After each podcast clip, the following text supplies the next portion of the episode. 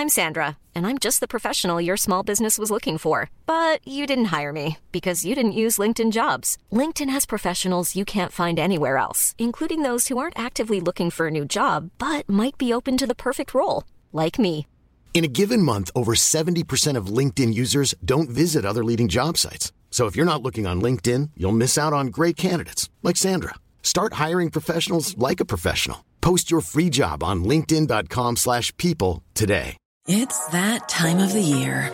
Your vacation is coming up. You can already hear the beach waves, feel the warm breeze, relax, and think about work. You really, really want it all to work out while you're away. Monday.com gives you and the team that peace of mind. When all work is on one platform and everyone's in sync, things just flow wherever you are.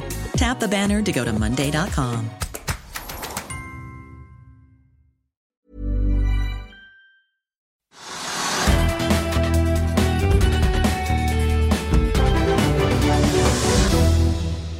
Velkommen til Økonominyhetene onsdag 6. oktober, der hovedindeksen deiser ned halvannen prosent etter fem dager på rad med opptur. Vi får straks besøk av SEBs Bjarne Schjelderup for å høre mer om det brennhete oljemarkedet. Og vi skal høre fra Theodor Sveen Nilsen i Sparebanken N Markets om det snart er slutt på festen i oljeaksjen. Men først skal vi ta unna litt uh, nyheter. Norwegian slapp i dag trafikktall for september. Uh, tallene viser at selskapet fortsatte å trappe kraftig opp. I august hadde de 38 fly i drift, og i september økte det til 46, mot bare en håndfull fly i drift tidligere i år. Ser man på antall passasjerer, så økte de fra 790 til 977 000 fra august til september, og flyene er omtrent like fulle med en fyllingsgrad på 72,4 Ser man eh, på utviklingen mot september i fjor, så er trafikken opp 248% og kapasiteten opp 154 målt i passasjerkilometer.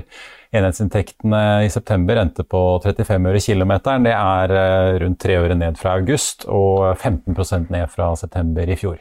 Konsernsjef eh, Geir Karlsen peker på at selskapet nå har hatt fem måneder på rad med passasjervekst, og at eh, den økte trafikken bidrar til at de nå gjenåpner baser både i Bergen, Stavanger og Trondheim.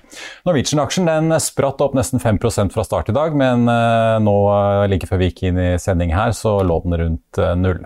Ellers så tar vi med at uh, kjemikalietankrederiet Stolt-Nielsen slapp sine kvartalstall for tredje kvartal i dag, og aksjen stiger 3% Selskapet melder om en uh, inntektsvekst fra 527 til 580 millioner dollar mot uh, samme periode i fjor, mens resultatet etter skatt økte fra 7,8 til 33,5.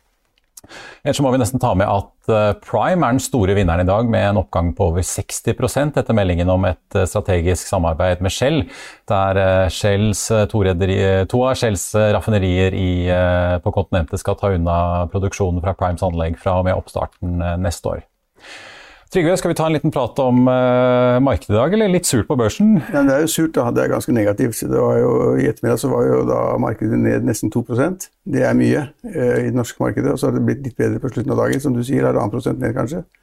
Men det har vært, også vært ganske kraftig fall på de europeiske børsene generelt. Så det er ikke noe bra børsstemning. Og så vet man ikke helt hvorfor det er sånn. Altså, så det er ikke lett å finne en ny vei ut av det. Altså hvilken trend er man er man skal følge. Så jeg syns det er ganske ustabilt, og det er usikkert. og Nå snakker folk om, plutselig om, om at det liksom da skal bli sånn stagflasjon. ikke sant? Du skal ha kjempeinflasjon med lav vekst istedenfor at du skal få god og trygg vekst. og, og Rentene skal opp, liksom ikke ned. og Det, det, det er mange usikkerhetsfaktorer. og så er det da, Har råvareprisen steget for mye? altså Oljeprisen skal vi snakke om etterpå.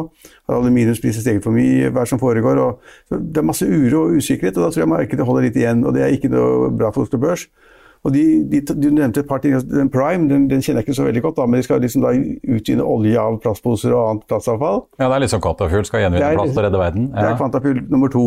Og Quantafuel hadde jo en kjempefin kursoppgang, ikke sant? og alt var veldig bra. Masse planer og bygge fabrikker. og Så ramlet det sammen, og kursen falt ganske kraftig. og øh, Han som stiftet selskapet, som var da den viktigste mannen, konsernsjefen Han jobbet her før? Ja. Han jobbet her som journalist før, og han, han, solgte da ut en del av uh, det han hadde av aksjer, for å finansiere hytter eller hus eller hva det måtte være. Hvilket var veldig klokt gjort.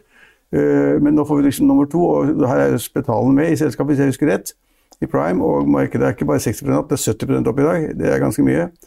Eh, jeg, men jeg er sånn, Man skal ikke være negativ til altså, nyvinninger og nye måter å gjøre på, men jeg er jo fundamentalt skeptisk til, ting, altså, til, at man skal tro at man kan tjene mer penger på å få olje ut av plastposer, enn å da pumpe olje opp av bakken i Saudi-Arabia til en veldig lav, lav pris.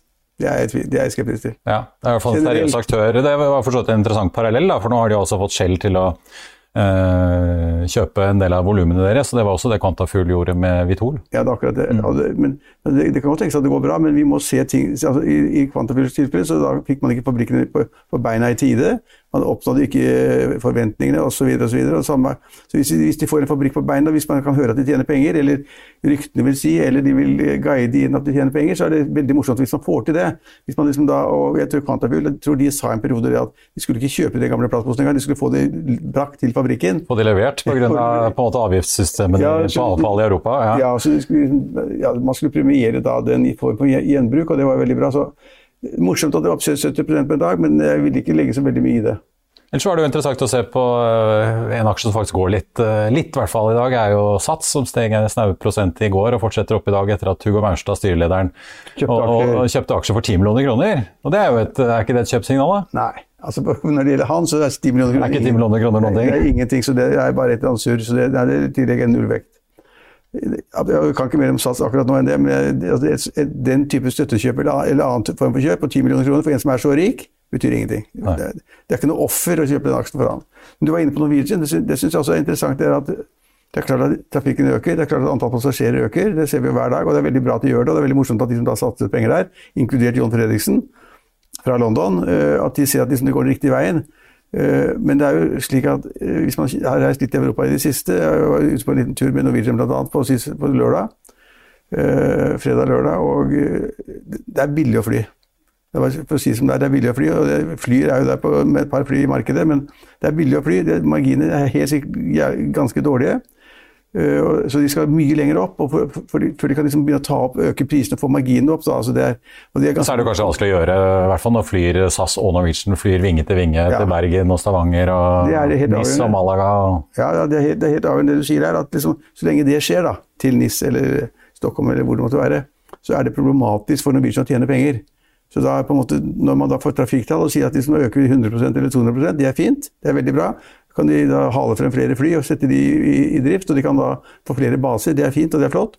Men jeg tror marginene blir kjempedårlige veldig lenge, og derfor ser vi at kursen har nesten ikke rørt seg da, på slutten av dagen. Ja.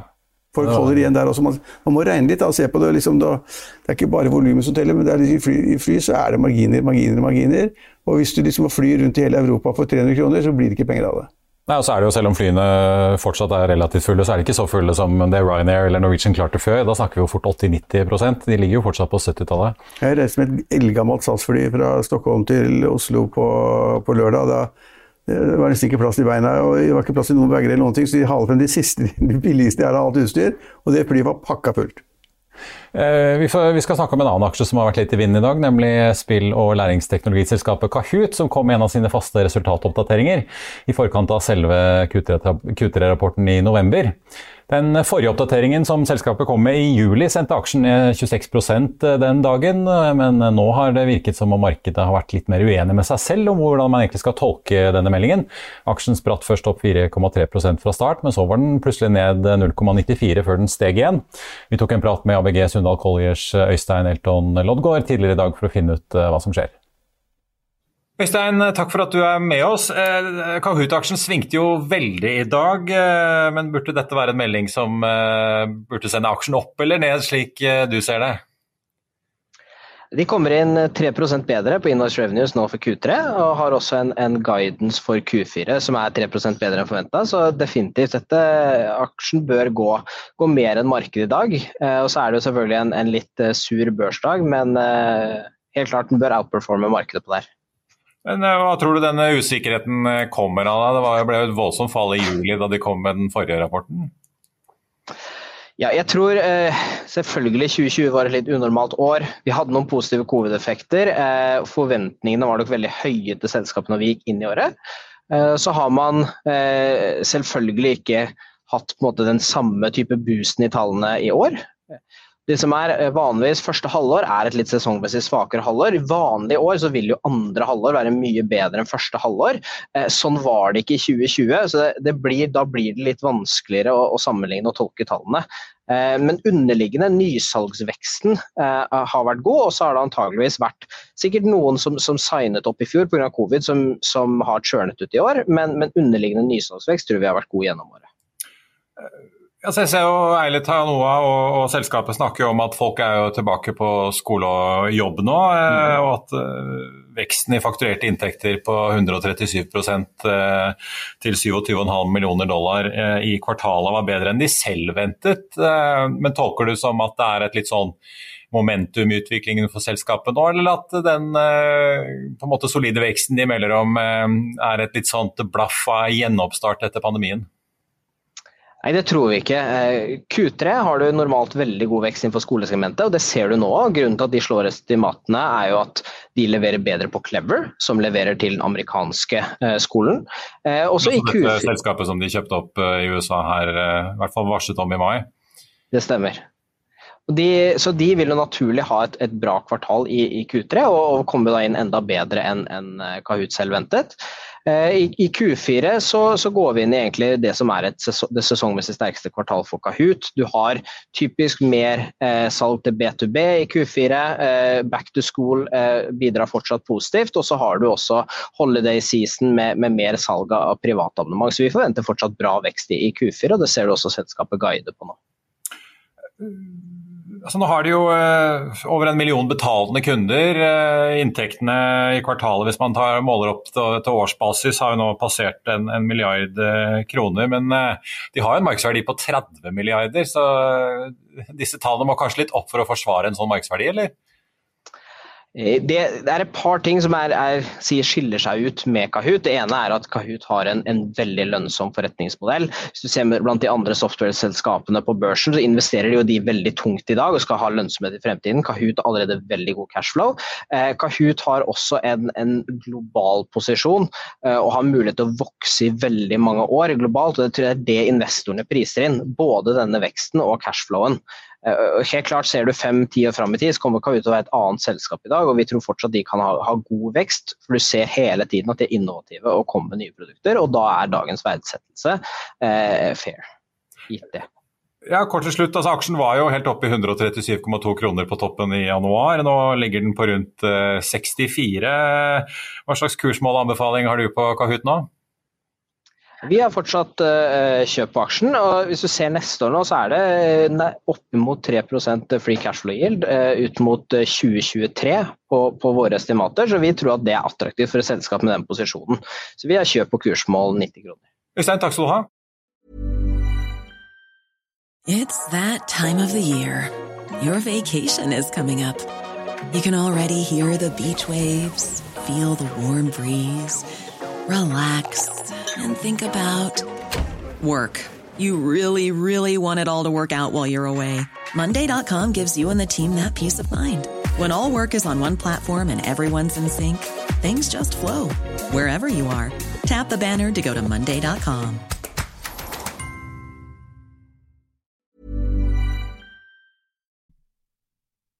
I'll see you in court. Vi sier det ofte litt på spøk. Men for deg som driver business, er det aldri moro å innse at du ikke har laget en 100% gyldig kontrakt. Du bør ikke risikere hele firmaet ditt fordi du synes dette med kontrakter er litt stress. En avtale er ikke en avtale. Du kan miste kunder, miste venner, ja, til og med miste inntekter om du ikke lager en skikkelig kontrakt, på alt mulig, egentlig. Men vi vet det er et styr. Kopimaskiner, treg printer og haugevis av papir. Dessuten stoler vi jo på folk her i landet. Det er ofte litt kleint å skulle be om en signatur for alt mulig, ja, for mye av styret handler også om jakten på underskriften. Det finnes en enkel måte å løse dette på, Dukkobit, en trygg, effektiv og get this, gratis måte å sikre seg en god natts søvn pluss en juridisk bindende avtale. Dukkobit-appen har de strengeste sikkerhetskrav i bunn, samt en EU-godkjent og sertifisert teknologi. Framover vil det bli behagelig å spørre du, skal vi skrive under på det, eller? Kom i gang på dokobit.no. Da skal vi snakke olje, for selv om spotprisen på et fat nordsjøolje faller rundt 1 i dag, er prisen fortsatt godt over 80 dollar per fat, nærmere bestemt 81,70. Og For å forstå mer av hva som skjer og hvorfor OPEC-landene ikke tråkket mer til på produksjonen på møtet sitt denne uken, har vi fått besøk av analysesjef for råvarer og oljeguru i ECB, får vi si, Bjarne Skjellerup. Velkommen. Takk og takk. Eh, kanskje vi bare skal ta det først. De holdt seg altså på denne planlagte økningen på 400 000 fat i november. Disse ja. Eh, sjeikene og russerne nede i OPEC og OPEC pluss. Eh, hva betyr egentlig den beslutningen for markedet? Ja, altså, de, OPEC pluss er jo særdeles fornøyd med seg selv. da. Og Deres argumentasjon hele veien igjennom har jo vært at de skal stabilisere markedet, trekke lagrene ned til normalen osv. Men nå er vi jo langt under normalen, og, og, prisen er jo godt over normalen. Men de sier fortsatt at de skal stabilisere markedet. da. Så, at, så, Sånn sett så begynner det å lyde mer og mer hult, og mer og mer ut som en, en oljefest. Ja, ja, jeg, altså, jeg kalte det jo brennhett uh, tidligere her i sendingen, men det er kanskje ikke brennhett på 80 helt ennå? Det er ikke egentlig brennhett. Altså, hvis du ser på liksom normal oljepris historisk sett, så er det 60 dollar som er det historiske gjennomsnittet, sånn røftlig. Ja, og så var vi nede på et par og 40. Og, og, og, normale variasjonen fra år til år, sånn standardavviksmessig, det er liksom pluss-minus 15-20 eh, dollar per år fra årssnitt til årssnitt. Og sånn sett så er det liksom, Hvis normalen er 60, så er det liksom 80 eh, dollar for et helt gjennomsnittsår. Det har vi ikke hatt ennå. I år blir jo rundt 70. Ja, ja, men, men, det, men, det, er jo Det, det leder jo til spørsmålet. altså hvis hvis OPEC-lander pluss da, Russland hvis de ser at de kan holde en oljepris på 80 dollar, 83 ja, eller 85 dollar, hvorfor skal de da øke produksjonen for å få prisen ned?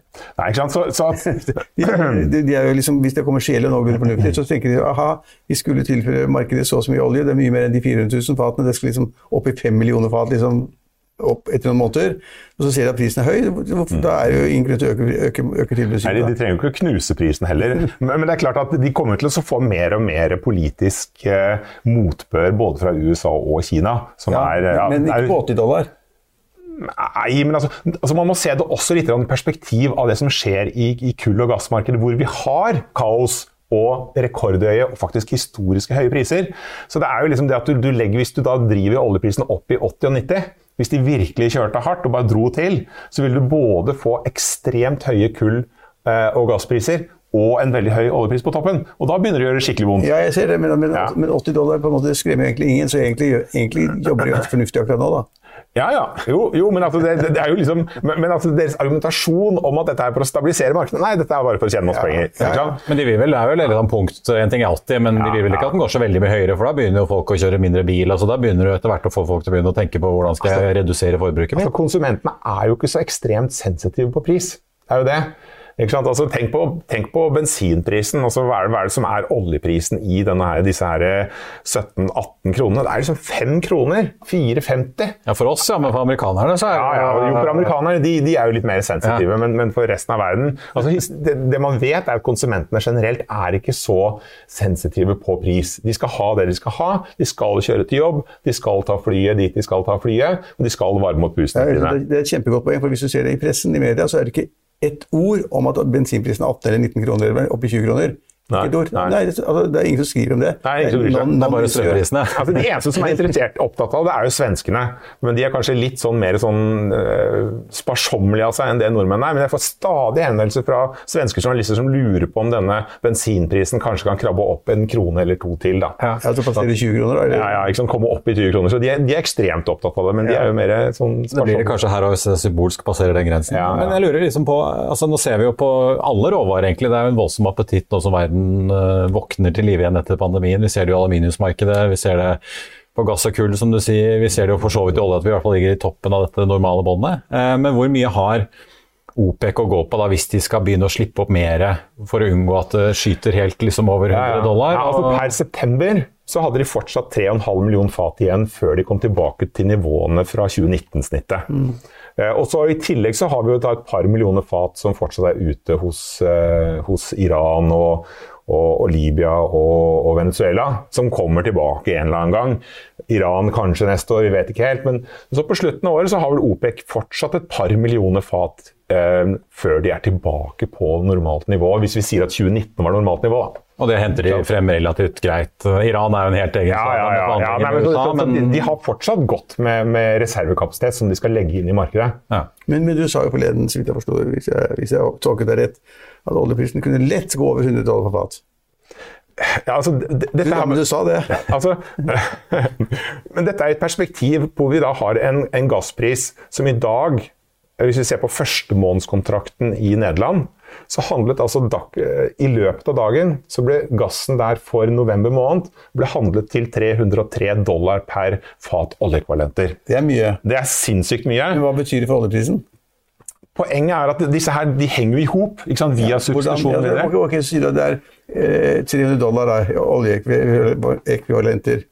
Men hva betyr det? Hvem er det som, hva, hva betyr det? Blir, blir, For oljeetterspørselen. Olje, oljeetterspørselen høyere? Blir oljeprisen høyere? Altså, Oljeetterspørselen blir høyere, og dermed så blir det også fordi de skal vekk fra gassen og ha et Ja, altså De som kan gå fra gass til olje, de gjør det, De gjør det med en gang. naturlig nok. Og det er typisk? Asia gjerne også. Asia, du, du lager, de kjører dieselaggregater, og du har sett at eh, dieseletterspørselen øker. Du har sett at, at eh, tungolje med høyt svovel, også som kan du bruke til, til eh, elforsyning, øker. har alle, det er et kjempegodt poeng, men har ikke alle langsiktige kontrakter? Det er det som bryr seg om hva som skjer fra uke til uke?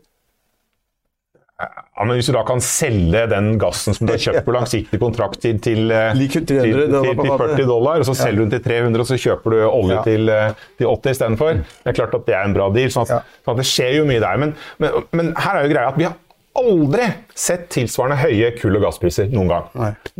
Og vi ser at, at gassprisen da begynner også å handle liksom, Normal gasspris er jo sånn type 35-40 dollar per fat olje, på oljeekvivalenter. Så multiplen mot normal er jo bare helt insane.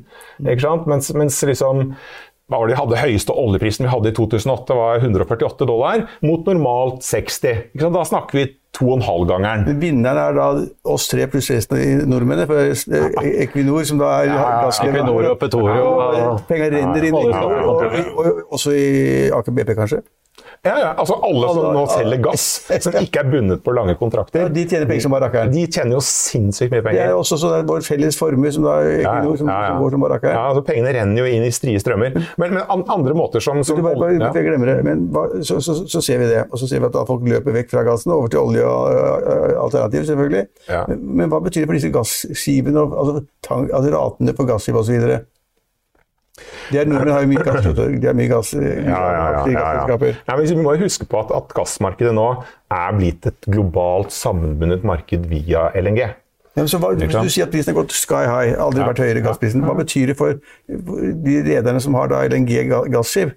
Går ratene opp, eller er det, er det ingen som vil kjøpe lenger? Eller, så er det Jo, men altså? Altså, Det er en begrenset mengde med eksportkapasitet, men altså, dette har jo gått bra for de som, de som har gass-LNG-skip. enn så lenge. Ja?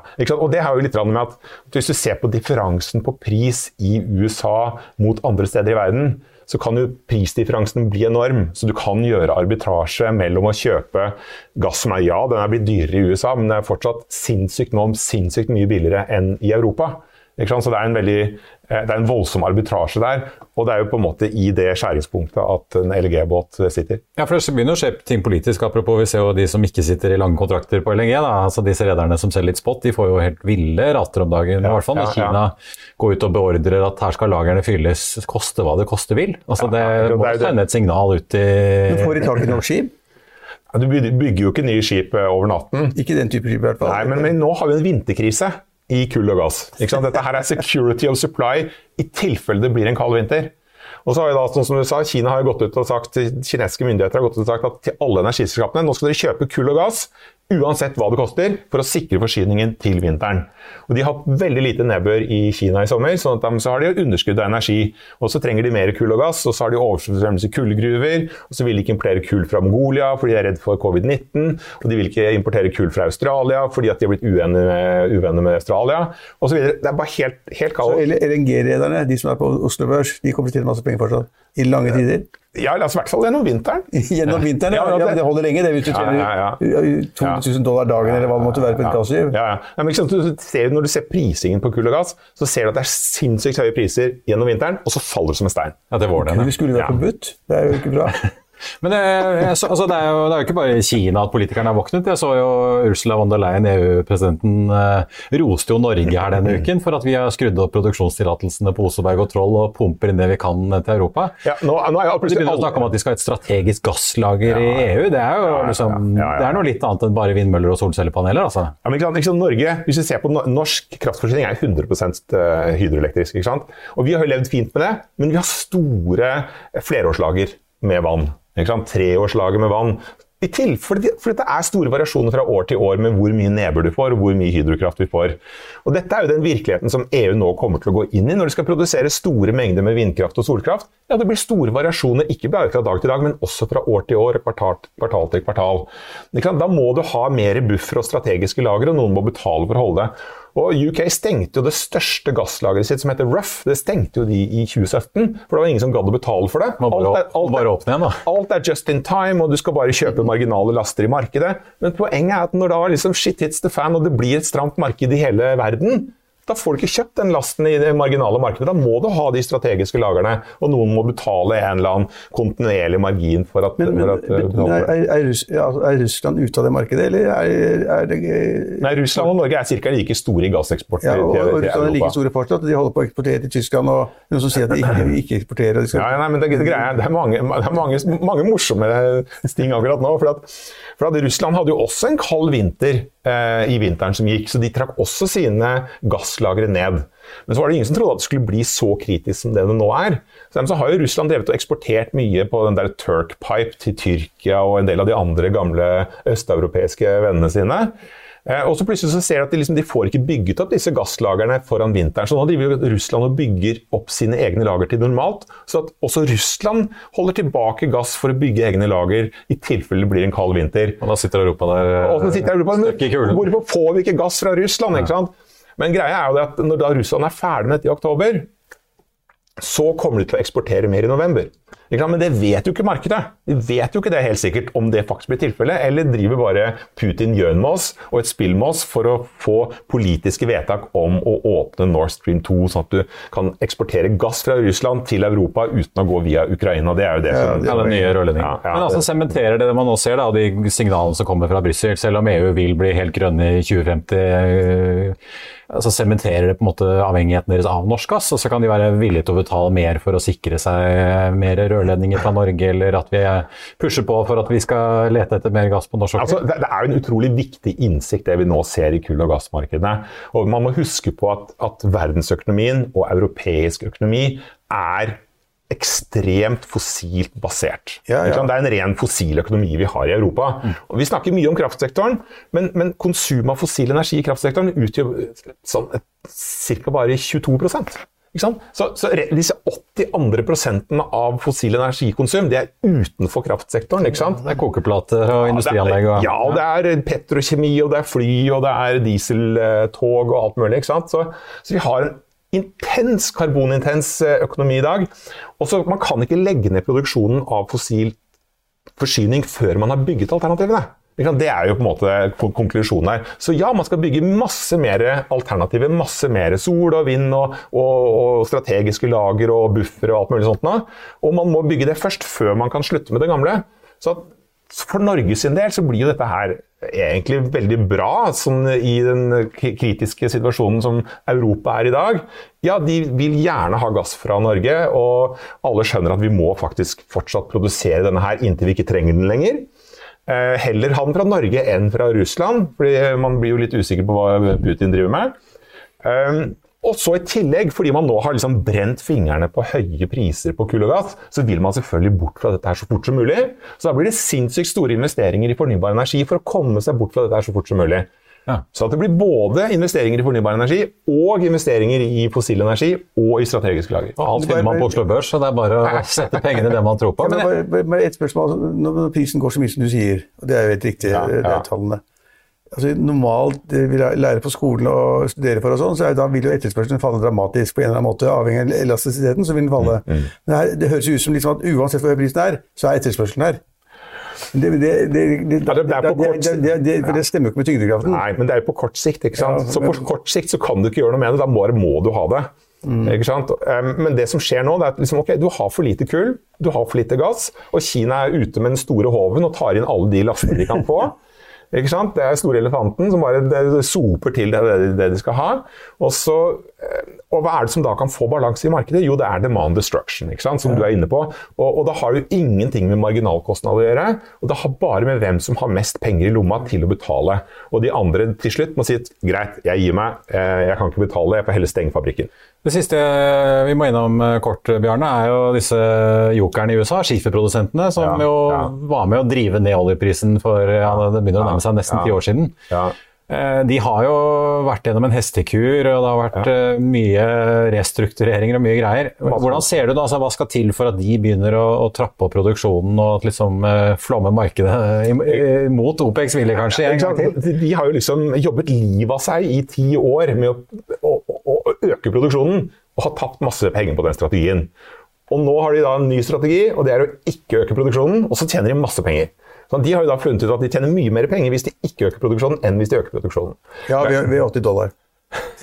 Ja, jo, jo, men altså, det er jo det på en måte den her ny, nyvunne liksom, eh, jomfrueligheten til disse skipeprodusentene når det gjelder CapEx-spending, som gjør at OPEC nå plutselig føler seg komfortabel med at de kan ha 80 dollar uten at de da mister store- Trigger en sånn stor- trigger en stor. Ja. Og den veksten som jeg har sett tidligere, den har jo vært drevet av gjeld. Økende gjeld og opptak av gjeld som har drevet hele ekspansjonen i skifer.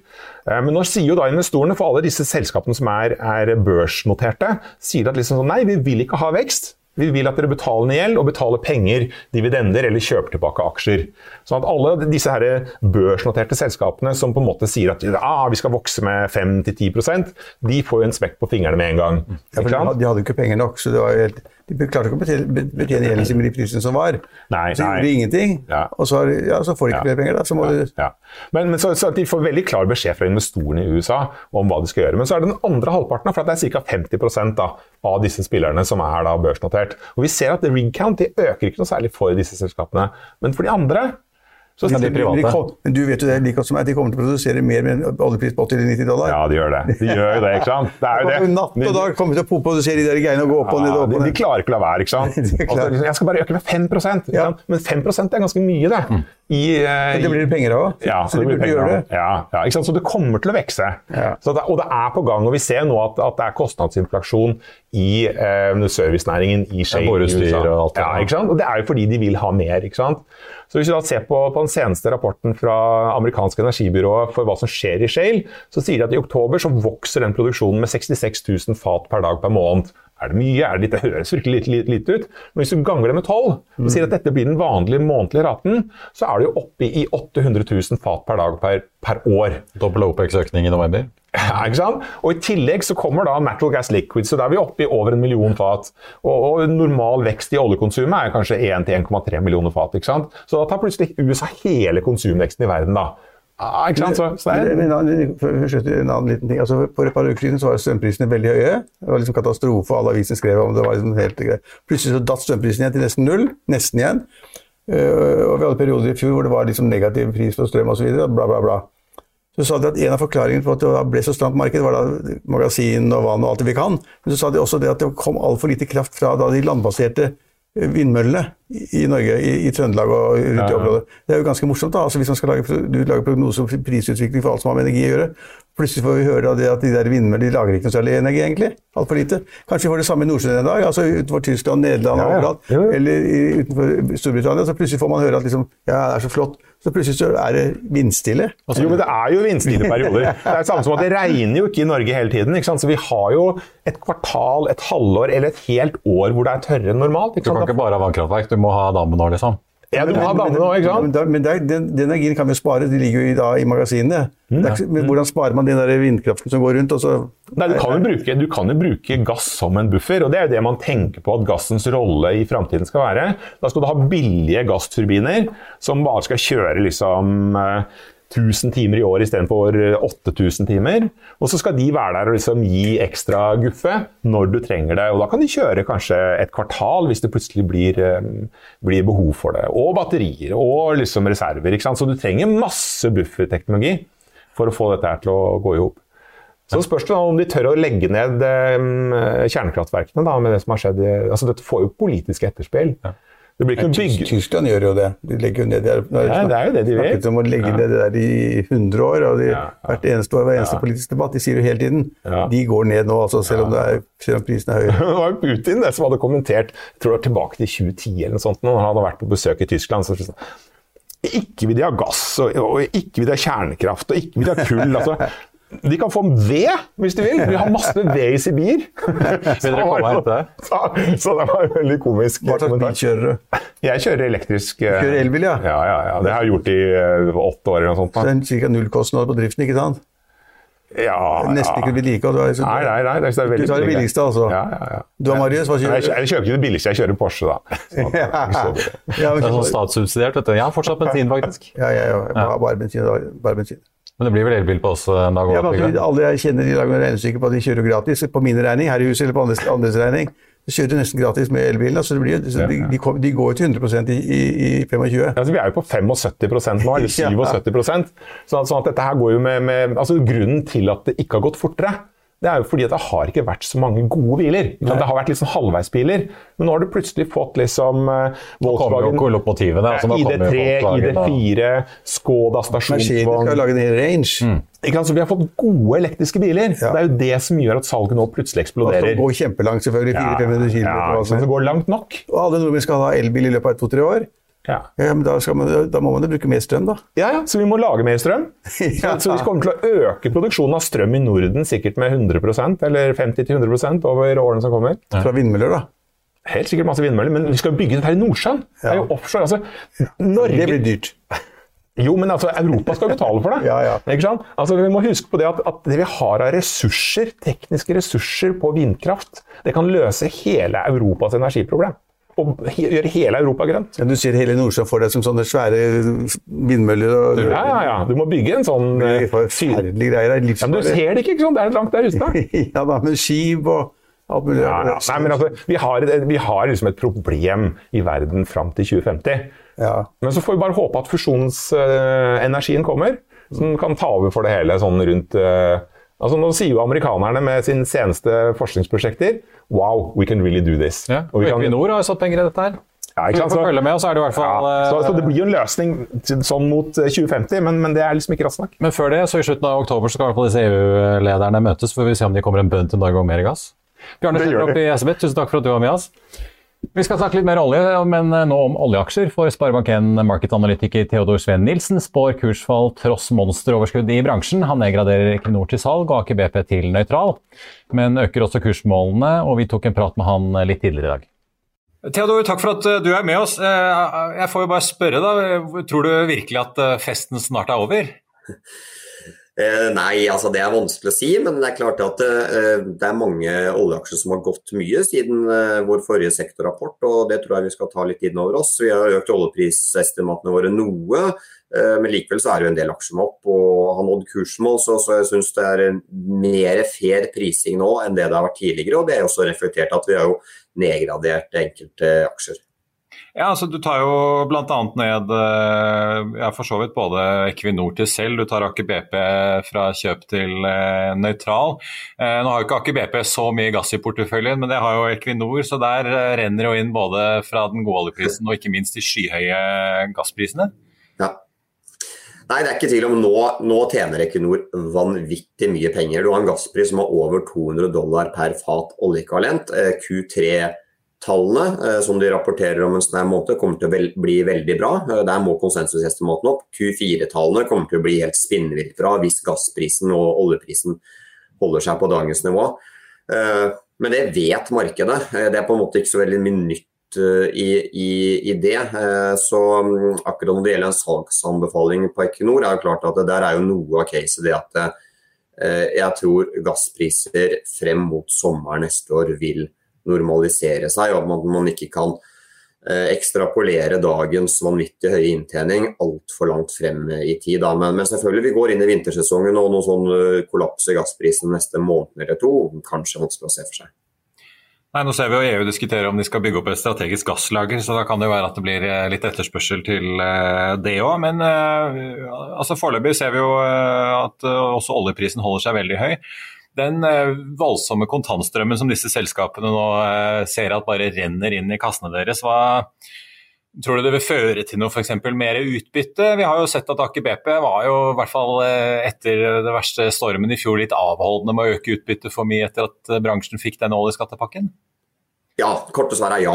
Så la meg kanskje to ting å ta tak i der. Det ene er Aker BP-utbytte. og Jeg er jo helt enig i at der var det jo, de betaler mindre utbytte nå enn de er i stand til å gjøre. og Det er jo pga. skattepakken at det har vært politisk kontroversielt å øke utbyttet for mye. Og spesielt for et selskap som Aker BP, som vi vet har vært ganske involvert i forhandlingene med, med politikere og myndigheter. Eh, så det er det. Når det gjelder utbyttepotensialet fremover, helt klart, her er det flere selskaper som kommer til å betale utbytte. Um, så f.eks. Av, de, uh, av de jeg har sett på en gruppe av 18 rene oljeselskaper som, som, vi dekker her, så var det seks av de som betalte utbytte i fjor. Uh, I 2023 så antar vi at 14 eh, av de kommer til å betale utbytte.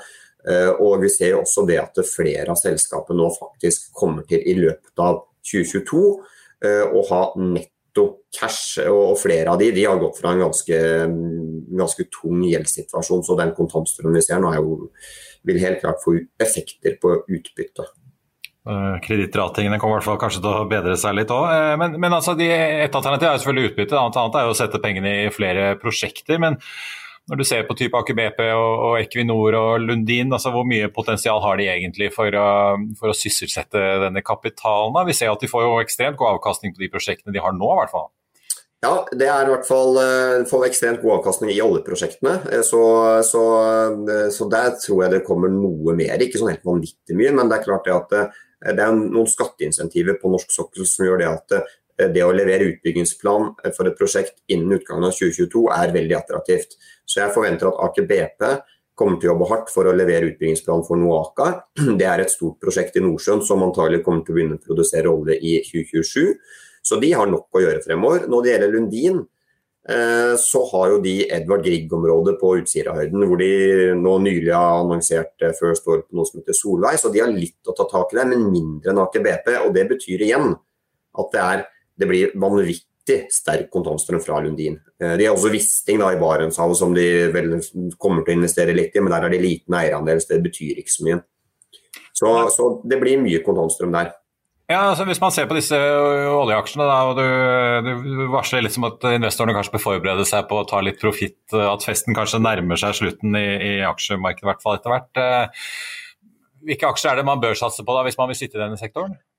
Eh, nei, La meg først si at det er jo sånn festen over. Det er vel mer det at eh, vi har hatt Q4 oljeprisestimat på 80 dollar en stund, og nå, nå, er vi der. så Det er mer det at eh, kursen har tatt det inn over seg. Men når det gjelder hvilke aksjer vi syns det er veldig bra risk reward på nå, så er det av de rene oljeaksjer. så Lundin liker vi kjempegodt.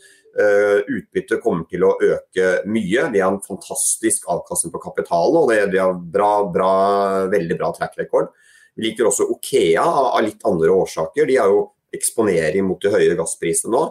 Ehm, det er et selskap som har relativt høy operasjonell giring, dvs. Si at de har høye driftskostnader per fat. Eh, og Det betyr at når oljeprisen øker og gassprisen øker, så får du mye mer bang for the bucks, eller kontantstrømmen øker mer i prosent. Så Det er vel av de to rene oljeselskapene. Det er flere, flere vil liker, bare sånn at jeg har sagt. Også og så er jo min kollega på, på Riggs-siden her, Vidar Lyngvær, er jo også trekker jo nå fram Valaris uh, sånn som et, et bra bett, og, og, ser jo det at det begynner faktisk å bevege seg litt i uh, rigg-området også. Det er jo et område, liksom, en sektor hvor investorer har vært komplett uinteressert siden egentlig, si, siden høsten 2018.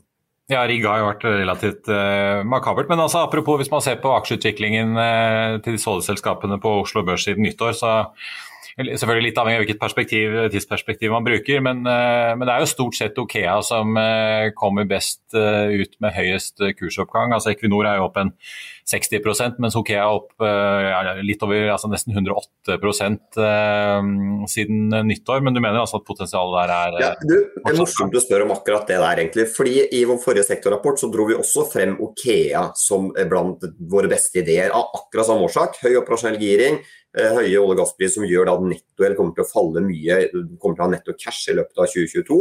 Så nå har vi satt og på en måte jobba litt med den rapporten her, nå må vi finne på noe mer. Vi kan ikke liksom Okea på nytt. Eh, OK, så lagde jeg en liste med på en måte to-tre andre kandidater. litt kriterier. Fortsatt Okea screener kjempebra. Så vi, vi, må jo huske det at de kommer fra et veldig lavt nivå. Eh, og en ting som kanskje er enda mer aktuelt for Okea nå enn tidligere, det er det at de har, et, hatt, et, et felt under utbygging som heter Yme.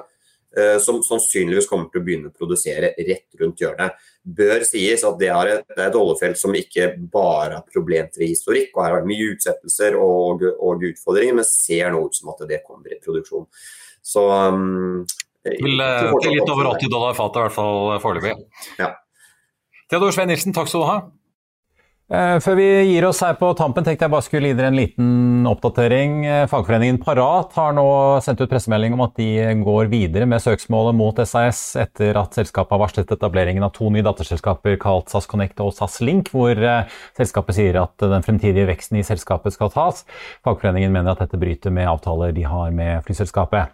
SAS-aksjen eh, ligger foreløpig stille etter nyheten på Oslo Børs, men er ned 2,8 i dag. Norwegian eh, har eh, mistet litt mer terreng utover ettermiddagen og er nå ned 0,9% Aksjen var altså tidligere opp i dag etter at trafikktallene kom, men har mistet farten. Ellers er Kahoot-aksjen opp 1,3% Equinor, som er børsens mest omsatte rett foran Kahoot, er faktisk ned 3,7% nå. På eh, Wall Street så ser vi at eh, de tre store indeksene Nasdaq eh, bl.a. er ned 0,8% Dow Jones ned nesten 1% mens S&P 500 er ned 0,87 der, altså. I Finansavisen i morgen kan du lese Trygve Hegnars leder om at nå er det den vanlige manns tur. Han skal få enda dyrere mat. Du kan lese om et utenlandsk meglerhus som spår dobling i hydrogenselskapet Nell, og du kan lese om hvorfor det butter i svensk økonomi. Det var det vi hadde for i dag, men vi er tilbake i morgen klokken 15.30. Der skal vi varme opp til kvartalssesongen med Mats Johansen i Nordnett. Takk for at du så på, og så håper jeg vi ses igjen i morgen.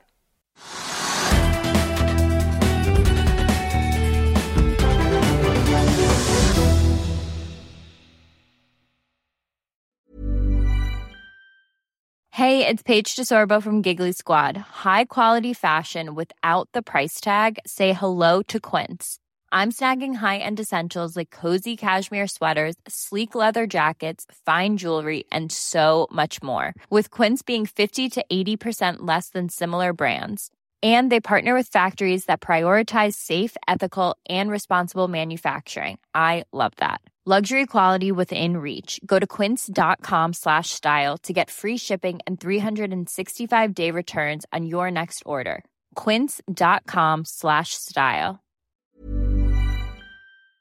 Økonominyhetene er en podkast fra Finansavisen. Programledere er Marius Lorentzen, Stein Ove Haugen og Benedikte Storm Bamvik. Produsenter er Lars Brenden Skram og Bashar Johar. Og ansvarlig redaktør er Trygve Hegnar.